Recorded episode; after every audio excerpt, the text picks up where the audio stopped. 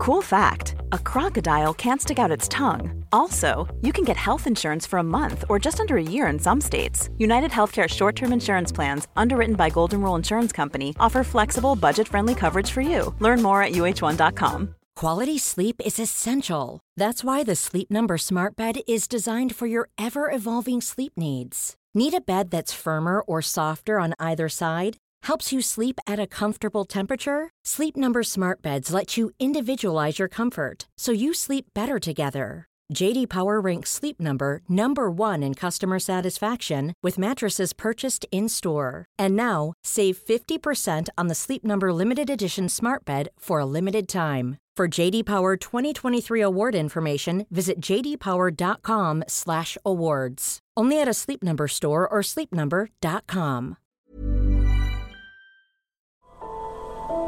Det här avsnittet är sponsrat av Prime Crime, appen med tusentals svenska rättegångar. Dessutom läggs minst tio nya rättegångar till varje vecka, året runt. En rättegång som berörde mig det är taximordet i Enköping. En 26-årig taxichaufför som luras ut till ett naturreservat och eh, blev hängd i ett träd. Och det är fem ungdomar som döms.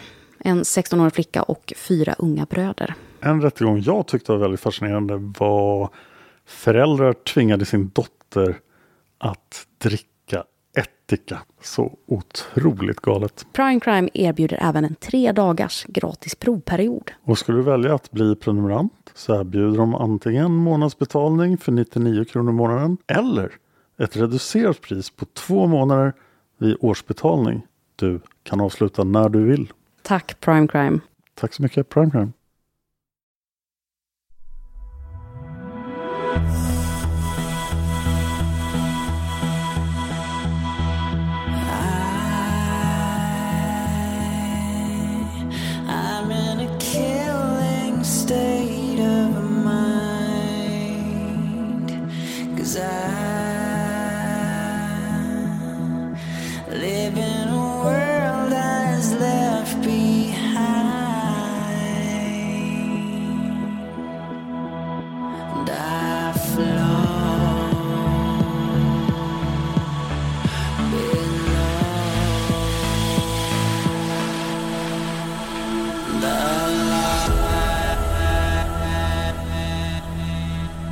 lyssnar på Mördarpodden. En podcast av Dan Hörning och Josefin Måhlén. Intro och bakgrundsmusik görs av Erik Segerstedt.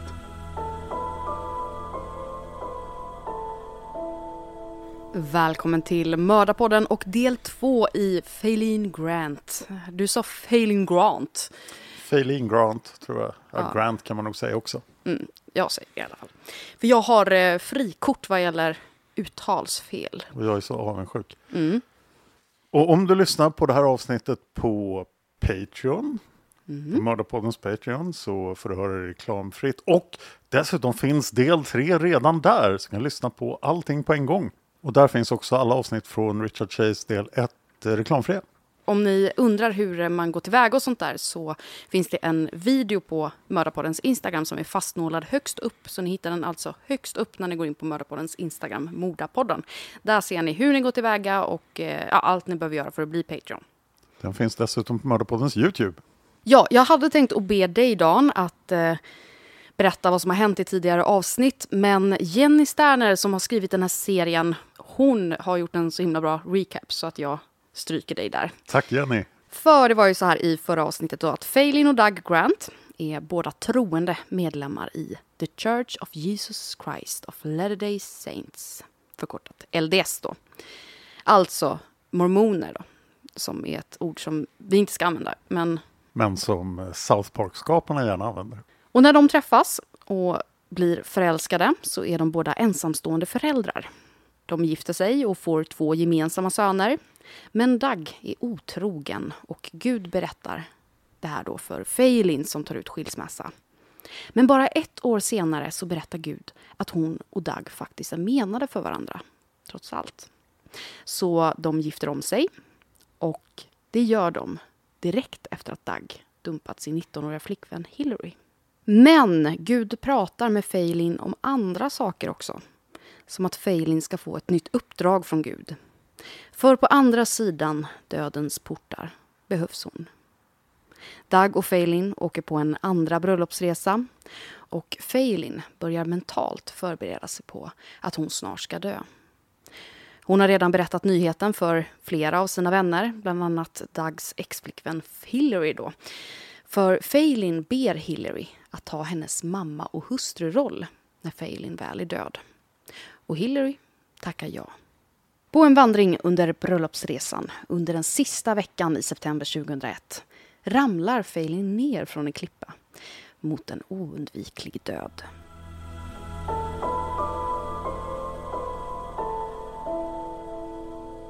Doug skrek Phelins namn och sprang så snabbt han kunde ner från det här berget. Och det var då ett fall på drygt 20 meter. 20 meter rakt ner i sten. Ja, precis. Det är Nej. ett fall som man inte överlever. Nej. När Doug väl var nere så blev chocken väldigt stor när han inte möttes av synen av Feilins söndertrasade kropp utan av Feilin stående, livslevande framför honom på platsen där hon borde ha kraschat efter det höga fallet. Va? Ja, Okej. ja ni ska se Dans min nu. Ja, just när jag sa att det var en säker död så bara lever hon. Ja, och då ställer han sig ju samma fråga som dig nu då. Hur var det här möjligt? Det är Gud som har varit framme igen. Det är hans eh, slutsats kan man säga. Hon borde ha legat på marken framför honom, sönderslagen, bruten, död. Men det gör hon inte. Men Feilin verkar snarare uppspelt. Och hon försäkrar eh, Dag då att Nej, men jag är helt okej, jag är helt okej. Hon var lite öm här och där, men eh, på det stora hela så mådde hon riktigt bra. Men Dag ville ändå att han skulle åka till sjukhuset för att kolla upp henne. Och väl där så kunde läkarna konstatera att ja, det Feilin sa var, var sant, det stämde. Hon var okej. Hon var i och för sig rätt blåslagen och hade rivsår på de ställen på kroppen som hennes kläder inte hade skyddat henne för då under det här fallet. Men i övrigt så var hon hel. Hon hade inte ens ett brutet finger. Rivsår måste tyda på att det fanns någon slags växtlighet som har dämpat hennes fall. Bra Dan, mycket bra. Det kommer att komma här. Okej. Läkarna som undersökte Feilin hade tittat på varandra när Doug beskrivit vad som har hänt. Hans historia var helt orimlig, kände de. Ingen kunde överleva ett sånt fall och dessutom göra det i princip helt oskadd. Men Feilin bekräftade det som Doug hade berättat. Och en annan märklig sak var att eh, Feilin inte verkade det minsta chockad över det hon varit med om. Hon verkade lugn och sansad och ja, men i princip helt opåverkad av det som har hänt. Det är ju ganska märkligt. Och det enda som kan ha förklarat hur hon kunnat överlevt det här fallet var ett buskigt träd som växte en bit upp på bergsväggen. Mm. Och vem hade placerat trädet där? Gud! Grenverket kan ha stoppat hennes fall då innan hon ramlade de sista få metrarna ner mot den här brända terrakottafärgade, hårt packade jorden. Så det var inte helt eh, sten heller som hon föll och ramlade på, men det var ju fortfarande väldigt eh, hård mark. Och precis som du sa där Dan, det kunde ju också då vara förklaringen till de här risporna på kroppen. Men ändå, sa läkarna till varandra, vad är oddsen för att överleva något sånt här? Men ändå så stod Feilin där framför dem. Ja, det måste ju Livslevande. vara svårt för läkarna att bedöma oddsen just för att de har inte varit vid platsen. Både Feilin och Doug var överlyckliga över att hon överlevt fallet. Men när Feilins skador började stena till så fick hon eh, trots allt ondare och ondare. De stannade kvar i Utah några dagar till och besökte läkare ytterligare ett par gånger då för att få lite smärtstillande medicin och titta till de här rivsåren så att de inte blev inflammerade. Men den 26 september kände sig Feilin redo. Hon ville åka hem. Det hade varit en kort, men mysig och väldigt händelserik smekmånad. Men det kändes som att just nu var det borta bra, men hemma bäst som stämde in på hur de båda kände sig. Feilin hade... Feilin hade... Alltså jag hatar att jag inte kan säga det där namnet alltså. Feilin. Feilin hade trott att det var dags för henne att möta Gud. Men hon hade ju då tydligen känt fel. Hon kände sig glad, men smärtan bara fortsatte att bli värre. Som blåmärken och muskler som fått sig en törn ofta gör efter några dagar. Så ja, det var väldigt jobbigt för henne. På kvällen när de kom hem till Phoenix så ringde Doug till en läkarassistent som han kände. Chad White. Kanske kunde Chad White komma förbi och titta på Faylene. Faylene kände att hon inte skulle kunna sova på grund av de här smärtorna och eh, sömn är ju A och O för att läka så även om hon förvisso då hade fått smärtstillande några dagar till så var inte de här smärtstillande som hon hade fått från ordinarie läkare då särskilt starka. Så Dag trodde att det skulle vara bra om hon kunde få något lite mer potent mot smärtorna. Chad hoppade in i sin bil. Såklart kunde han hjälpa till. Det var inga besvär. Väl hemma hos familjen Grant så gav han Failin en spruta med ett snabbverkande morfinliknande smärtstillande medel. Och innan Chad gick så gav han två recept som Dag kunde hämta ut om Failin då skulle ja, behöva mer hjälp att sova. Det ena receptet var på ett eh, muskelavslappnande medel och det andra var på Ambien. Ambien är ett eh, sömnmedel som även kan användas som lugnande medel. Chad sa till Doug att eh, om han behövde hämta ut receptet på sömnmedlet så skulle han ringa Chad först. Det låter lite mystiskt, eller hur? Ja, Ja, lite konstigt. Men, eh, men det tyckte han då, att ring mig först innan du hämtar ut det här. Kanske också för att det var väldigt, väldigt starkt då. Ambien heter eh, Solpidem. Oklart om jag uttalar det rätt, men Stillnoct på svenska också. Mm. Eh, Och det är narkotikaklassat. Väldigt starkt. Receptet Failin fick på Solpidem då var väldigt litet, bara fem tabletter. Så det handlade om att kunna sova ordentligt i några dagar till. Men oavsett varför Chad bad Doug att ringa innan han behövde hämta ut det här recepten så ringde inte Doug Chad utan han åkte iväg och hämtade ut recepten ändå. Men först hade Doug i alla fall ringt sin mamma för att komma och vara i huset medan han var borta.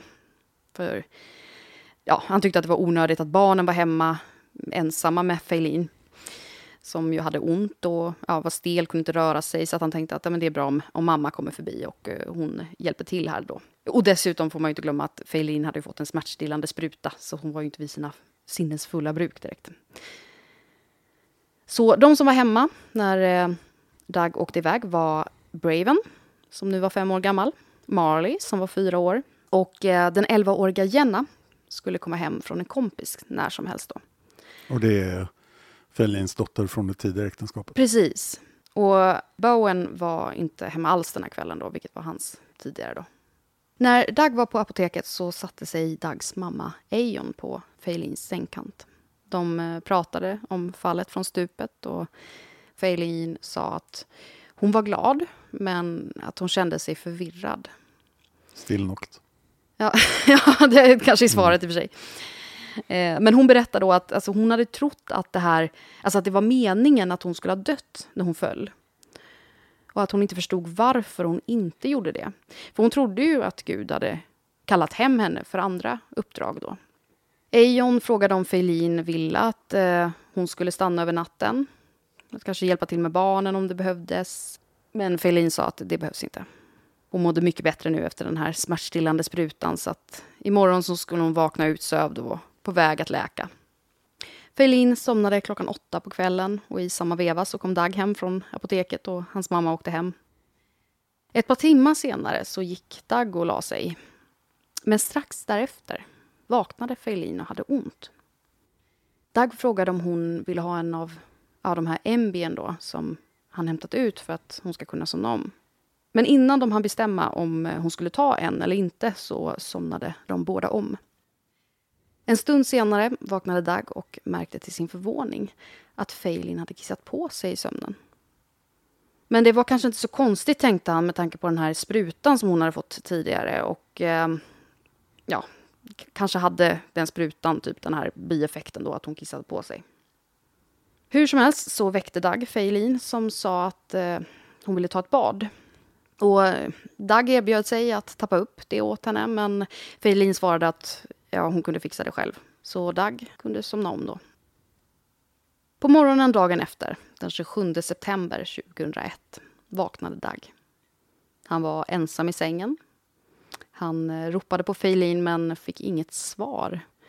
Så han klev ur sängen. Och han kände att det är nog bra att han kollar var hon är för att hon var ju rätt påverkad dagen innan. Och, alltså både av smärtan men också av den här smärtstillande sprutan. Så han gick in i badrummet. För han tänkte att hon kanske var där då. Där var hon. Flytande, okontaktbar i badkaret. Doug stod handfallen. Han visste inte vad han skulle göra så att han ringde Chad White då, som har skrivit ut de här recepten. Och Chad White frågar Doug om han har ringt 911. Doug säger nej. Ja, han sa att han trodde att eh, Feilin var död och att hon dött av att hon tagit alla tabletter. Alltså all den här medicinen som hon fått kvällen innan. Chad tyckte att han lät helt frånvarande, liksom lamslagen. När Chad frågade Doug varför han inte ringt 911 så svarade Doug att han eh, var för rädd. Men han specificerade sig inte i varför han var för rädd. Då. Så Chad insåg att han var tvungen att ta befälet här och ringde till larmcentralen. Och samtalet registrerades klockan 07.46. Han eh, berättade att han ringde för en väns räkning, att vännen hade hittat sin fru död eller medvetslös i badkaret och eh, enligt maken så hade hon tagit en massa tabletter. Och de tabletterna, menade han, var då muskelavslappnande och Ambien. Och efter att Chad hade ringt alarmsamtalet larmsamtalet så körde han i ilfart hem till familjen Grant. När Chad kom fram till paret Grants hus så fann han att Doug, förutom att inte ringa till 911, inte heller hade gjort några försök med hjärt och lungräddning. Han hade enbart lyft ur henne ur badkaret och lyft upp henne på deras gemensamma dubbelsäng. Men sen hade han låtit henne ligga där tills Chad kom. Då. Och Chad kunde inte känna någon puls alls. Men eh, det vi vet är att det är väldigt, väldigt viktigt att sätta igång med hjärt och lungräddning direkt. Oavsett, för man kan fortfarande pumpa igång och hålla organen levande. Oh ja. Liksom. Ja. Det är vad Chad sätter igång med då. Och till hans förvåning så verkar det faktiskt lyckas. Oj, Ja, det, ja, det lyckas. Feline börjar hosta och kräkas upp vatten. Och polis och ambulans kommer ju då kort därefter att eh, Chad har kommit till huset. De tar över det här räddningsarbetet. Men fortfarande att eh, Doug inte har försökt att eh, återuppliva henne. Men att när Chad kommer, som ändå, det tar en lång stund ändå kan jag tänka mig. För att, eh, att det ska bli räddningsförsök då. Så att det är ganska sjukt. för att inte tala om hur velig Gud är här. Han har ju sagt att hon ska komma till honom. Och så har hon nu andra gången när det verkar som hon ska komma till honom. Så gör hon inte det. There's never been a faster or easier way to start your weight loss journey than with PlushCare.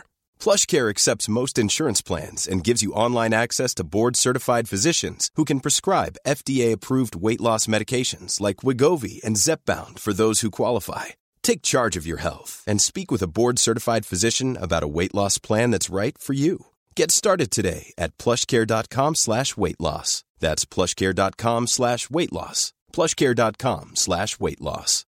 Here's a cool fact a crocodile can't stick out its tongue. Another cool fact you can get short term health insurance for a month or just under a year in some states. United Healthcare short term insurance plans are designed for people who are between jobs, coming off their parents' plan, or turning a side hustle into a full time gig. Underwritten by Golden Rule Insurance Company, they offer flexible, budget friendly coverage with access to a nationwide network of doctors and hospitals. Get more cool facts about United Healthcare short term plans at uh1.com. Millions of people have lost weight with personalized plans from Noom, like Evan, who can't stand salads and still lost 50 pounds. Salads, generally, for most people, are the easy button, right?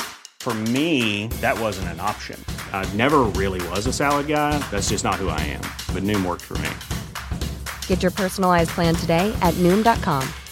Real Noom user compensated to provide their story. In four weeks, the typical Noom user can expect to lose one to two pounds per week. Individual results may vary. Polis och ambulans kom kort efter att Chad kommit till huset och ambulanspersonalen tar då över den här räddningsinsatsen. Mer vatten kommer upp ur eh, Feilins strupe och de kunde känna då en svag puls. Hon lastas in i eh, ambulansen och eh, körs såklart i ilfart till närmaste akutsjukhus. Men glädjen över att Feilin inte var död blev kortvarig. Hon kunde inte andas själv, så de kopplade in henne till en respirator. Feilins och eh, Dags familjer och barn kom till sjukhuset och läkarna informerade familjen att det finns en stor risk att eh, Feilin var hjärndöd. Och sannolikheten var faktiskt 99 procent. Det är en ganska hög sannolikhet. Doug bad läkarna att stänga av respiratorn direkt. Medan Feilins familj invände då och sa att men vi kan försöka lite till för mirakel kan ju ske med tanke på också vad som hände där med klippan med Feilin. Så, så ville de försöka lite till. Men Dag stod på sig. Och det var ju han då som hade rätten att fatta det här slutgiltiga beslutet. Han sa att Feilin inte skulle vilja ligga uppkopplad i en maskin, inte en enda minut i onödan. Och han sa att eh, hade Feilin kunnat välja själv just nu så hade hon valt att stänga av maskinen. Så klockan 16.46, alltså lite mindre än 10 timmar efter att larmsamtalet kommit in till 911, så stängdes respiratorn av. Och Feilin dog direkt. Hon blev bara 35 år gammal. Samma kväll kom Dag tillbaka hem från polisen. Han hade suttit i förhör, eller ja, de hade pratat med honom i alla fall efter att han hade tagit farväl av Feilin. De hade sagt att de ville träffa honom igen. Och eh, de skulle även prata med Feilins anhöriga och vänner. Så det var, det var inte att de på något sätt såg eh, någonting eh, som misstänkt här. Utan det var rutin vid dödsfall när orsaken inte var helt klarlagd. Bra rutin. Ja, det är en mycket bra rutin. Men nu var ju Doug trött. Helt slutkörd. Men så hände något som gav honom en inre frid. Han hittade ytterligare ett brev från Feilin. Brevet var adresserat till Doug och Hillary och daterat dagen innan hon föll ner från klippan. Där stod samma saker som hon skrivit flera gånger tidigare. Att hon snart skulle dö och att hon eh, ville att Doug och Hillary gifte sig väldigt snabbt då efteråt och att Hillary blev barnens mamma. Feilin skrev att hon eh, önskade att de skulle gifta sig så snabbt att de skulle vara gifta när de satt bredvid varandra på bänken längst fram under Feilins begravning. Snabbt marscherat. Dougs sorg var enorm. Men han kände en stor lättnad över att Feilin var så tydlig med vad hon ville. Och att hon återigen gav sitt godkännande till att han återupptog sitt förhållande med Hillary. Feilin begravdes den 1 oktober, alltså då fyra dagar efter att hon dött. Tre veckor senare så gifte sig Doug och Hillary. De var i alla fall inte gifta när hon begravdes, men... eh, Nej, Las Vegas låg för långt bort. Ja. Parallellt då så pågick utredningen om hur och varför Feilin dött. Hade orsaken varit överdos? Och hade den i så fall varit avsiktlig eller inte? Eller var det något helt annat som hade hänt? Tyvärr så hade poliserna som kom hem till familjen Grants hem då i samband med larmsamtalet nästan inte dokumenterat någonting. Det hade inte tagits några ordentliga foton. Badkaret hade inte undersökts. Poliserna hade inte ens eh, sett till att spara de burkar som tabletterna Feilin fått utskrivna legat i. Ja, Dan himlar med ögonen. Ja, det är inte det första och det sista fallet man hör det om i alla fall. Nej, så är det ju tyvärr. När rättsläkaren hela fem månader senare, efter då Feilins död, lämnade in sitt protokoll var hennes utlåtande att det inte gick att bedöma exakt av vad och hur Feilin hade dött. Hon hade tagit alla fem Ambien, det kunde hon se, men det var inte tillräckligt många för att döda henne. Däremot så kunde hon då ha somnat djupt av den dosen och det i sin tur då fått henne att sjunka ner under vattenytan och dunkna. Men som sagt, rättsläkaren visste inte säkert. Och orsaken i protokollet blev alltså dödsorsak okänd. Man tycker att drunkning borde ha varit dödsorsaken i vilket fall. Men Ja, det borde ju ändå gå att se, tänker jag. Ja, drunkning går väl att se vid en obduktion. Men det kanske var så då att, att, de, att det framkom att det var drunkning, men man vet inte varför. Mm. Jo, men, men precis. Det, det var ju ändå så här, det kan ha fått henne att sjunka ner under vattenytan och drunkna. Så att då är det ju ändå drunkna med i, i Ja. eh, måste ju vara så. Och det vet ju att det var vatten i lungorna. Ja, precis. Ja, just det, hon hostar ju upp det också en hel del. Ja, Faylins familj och i synnerhet hennes syster Charlene var inte nöjda. De kunde inte acceptera att de inte fått svar på varför Faylin hade dött. Och de kände att det här, här är det någonting som inte går ihop. Mm, det har man ju, den känslan. Mm. Och i synnerhet så tyckte de då att eh, Dags historia, eller historier snarare, de gick inte ihop. Charlene hade läst eh, de här olika polisförhören och hon hade fått veta vad Dag eh, sagt till olika vänner och bekanta. Och eh, han hade berättat olika versioner för olika personer. Till någon så hade han sagt att det var han som hade tappat upp badet till Feilin.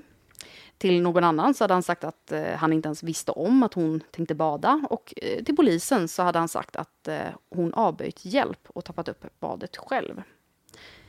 Charlene och resten av familjen kunde inte förstå att polisen inte reagerat tillräckligt på detta för att lägga mer krut på utredningen. Så Charlene låg på polisen. Hon eh, verkligen kämpade med detta. Och om det berodde på att hon låg på polisen eller på något helt annat, det förtäljer inte historien. Men en ny utredare tillsattes. Och nu väcktes utredningen igen. Den nya utredaren reagerade på precis samma saker som Feilins familj. Just det här att Dag gett olika versioner om vad som hänt. Men det var mer än anmärkningsvärt att Dag inte ringt 911. För om man hittar den man älskar medvetslös i badkaret så ringer man 911 direkt. Nästan som, ett, som en automatisk reflex. Liksom. Man ringer inte till en läkarbekant som får ringa i ens ställe istället. Nej, så hittar ni någon som ligger i ett badkar livlös, ring 112. I och för sig, plocka upp dem i badkaret först i någon Det kan man försöka med. I och för sig, när saker och ting händer så man kan reagera väldigt konstigt. Eh, men ja, det är anmärkningsvärt. Och det de reagerar på som också är anmärkningsvärt, det är ju det som Doug sagt till Tjäder då. Att eh, han inte vågat ringa till eh, larmcentralen. Och de förstår liksom inte varför, varför vågar du inte det? Men det var svårt att hitta bevis för någonting egentligen. Så ja, förutom just det här uteblivna samtalet till 911 så... Det är ett ganska svagt indiciebevis. Exakt, precis. Det är väldigt svagt. Ett problem för utredningen var att eh, badrummet och sovrummet i Felino Dags hus aldrig hade behandlats som en potentiell brottsplats då, utan ja, det var egentligen som att poliserna redan från början tagit för givet att det handlat om en olycka. Det gjordes inga avspärrningar av rummen, bara fem foton togs totalt och inga föremål togs därifrån och testades för DNA eller något annat. Men det dök ändå upp fler och fler märkliga saker som kanske inte var handfasta bevis, men eh, som ändå pekade på Dag. Först nu förhördes Felins 11-åriga dotter Jenna. Och hon berättade att hon hade träffat Dag i köket den morgonen. Klockan kvart över sju. Han hade suttit vid köksbänken och ätit en skål flingor med mjölk. Och det stämmer ju inte alls med vad Dag har sagt till utredarna. Utan Dag har ju sagt till dem att eh, det första som hände när han vaknade var att han undrade var Feilin var och eh, att han hittade henne i badrummet. Alltså, han hade inte varit inne i köket tidigare på morgonen och ätit frukost. Men Jenna var säker. Det hade han visst. Larmsamtalet från Chad hade inkommit 07.46. Alltså en halvtimme efter att Jenna sett Doug sitta i köket. Innan man letar efter sin fru måste man ha en stadig frukost. Mm. Gärna mer näringsriktig än uh, flingor och mjölk. Han var ju ändå ett hälsofreak. Ja, det lät inte som en bra träningsfrukost. Så ja, eh, även utredarna förstod då att det här det är mycket som inte går ihop. Och frågetecknen hopade sig runt Dougs berättelse och sprickorna i historien blev allt fler och fler. Och de undrade ju då om Feilins död verkligen var en olyckshändelse. Kanske det egentligen var ett mord. Och var Dag den skyldige? Men om det var så att Dag mördat Feilin, varför hade han gjort det? Och utredarna kom fram till följande alternativ. 1. Doug ville dumpa Feilin och vara tillsammans med Hillary istället. Men han visste att det såg illa ut i kyrkans ögon. Så det kan ju, fanns ju då en stor risk att han skulle bli utesluten om han genomgick ytterligare en skilsmässa. Kyrkan kände ju till alla hans otrohetsaffärer också, så att nu är han väl ganska körd där. Men om han blev enkeman och sen gifte sig med Hillary, ja, det var ju en helt annan sak. Så det var en tanke de hade där då. Det andra alternativet var livförsäkring. Fanns det någon livförsäkring? Ja. När Doug hade fått frågan så hade han berättat att eh, de hade en livförsäkring på Feilin och en på honom. Och det var någonting som han redan från början hade redogjort för. Men det var små försäkringar, eh, sa han, att nej, men det är bara på 30 000 dollar. Alltså då eh, ja, motsvarande drygt en halv miljon i svenska kronor idag. Problemet var ju bara att eh, Doug hade sagt lite fel. Eh, han hade glömt en nolla. Ja. 300 000 dollar var den ju på livförsäkringen. Men när utredarna krävde lite till så blev det ju tydligt att nej, inte ens det beloppet stämmer. Nej, 860 000 dollar ska det ju vara. Och nu är vi uppe i motsvarande 15 miljoner svenska kronor som en livförsäkring. Ja, det var lite större motiv. ja. När tecknades livförsäkringen? Bara en månad innan Feilin dog. Då. Lite misstänkt kanske. Lite misstänkt. Men det stämde inte riktigt. Försäkringen gällde inte ännu. Va? Nej. Feilin behövde skicka in ett läkarintyg för att försäkringen skulle börja gälla. Och eh, det hade hon inte gjort vid tidpunkten för sin död. Sen är ju frågan då om Doug eh, visste om detta eller trodde att försäkringen hade gått igenom.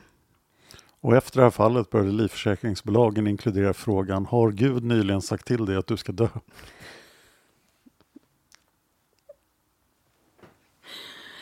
Ja, och det var slutet på del två. Men nu är hon verkligen död. Ja, Ja, jag hade ju väntat mig att hon skulle dö där i fallet i slutet av förra avsnittet. Mm. Men nu vet vi att hon är död. Hon Nu- kommer inte ja. tillbaka i del tre. nej.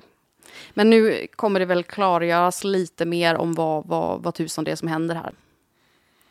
Ja, det finns ju inte mycket som talar för Dougs oskuld här. Nej, det gör det verkligen inte. Man undrar ju också så ofta, så här, men ser de inte själva? Ja, speciellt med fallet också. Ja. Ibland så undrar man sig, men är de så korkade att de inte ser själva hur korkat det här är? Alltså hur mycket som tyder på dem och... Och är det så liksom, jag menar om... Varför ringer han Chad? Mm. Chad White låter för övrigt som den vitaste mannen i hela USA. Ja. Det här är Phoenix-polisen vi pratar om. Mm. Vi gjorde ett avsnitt i Seriemördarpodden om eh, två seriemördare i Phoenix som var aktiva samtidigt. Eh, väldigt förvirrande för polisen. Men, eh, och det finns även i Catching Killers på Netflix, det ena av de fallen där de inte nämner det andra. Men i serieskjutarfallet så börjar de så här, varför är det så många som blir skjutna av förbipasserande bilar i Phoenix? Så börjar de titta, så här, hur många fall har vi egentligen av folk som blivit skjutna av förbipasserande bilar? Och så hittar de en massa nya fall som alltså är gamla fall. De bara, oj, det här verkar ju vara en serieskjutare. Men det tar enorm tid för dem att upptäcka att det faktiskt är ett mönster. Och Phoenix är inte en jättestor stad. Så eh, efter det fallet har jag förlorat min tilltro till Phoenix-polisen. ja det, det förstår jag. Mm, knyt ihop där. Ja, följ oss på Instagram. Mordapodden. Mm. Ja. Och eh, följ eh, Josefin på Instagram, j.molén. Och Dan, sök på Dan Hörning. Ja, och följ mig på X. Jag finns på X. Det låter som ett socialt medienätverk där alla ens ex Ja, är knutna till. Men det, det låter jättekonstigt. X. Följ Ja. Dan på X. Det är ett kort och koncist namn i alla fall. Vi ses i nästa avsnitt.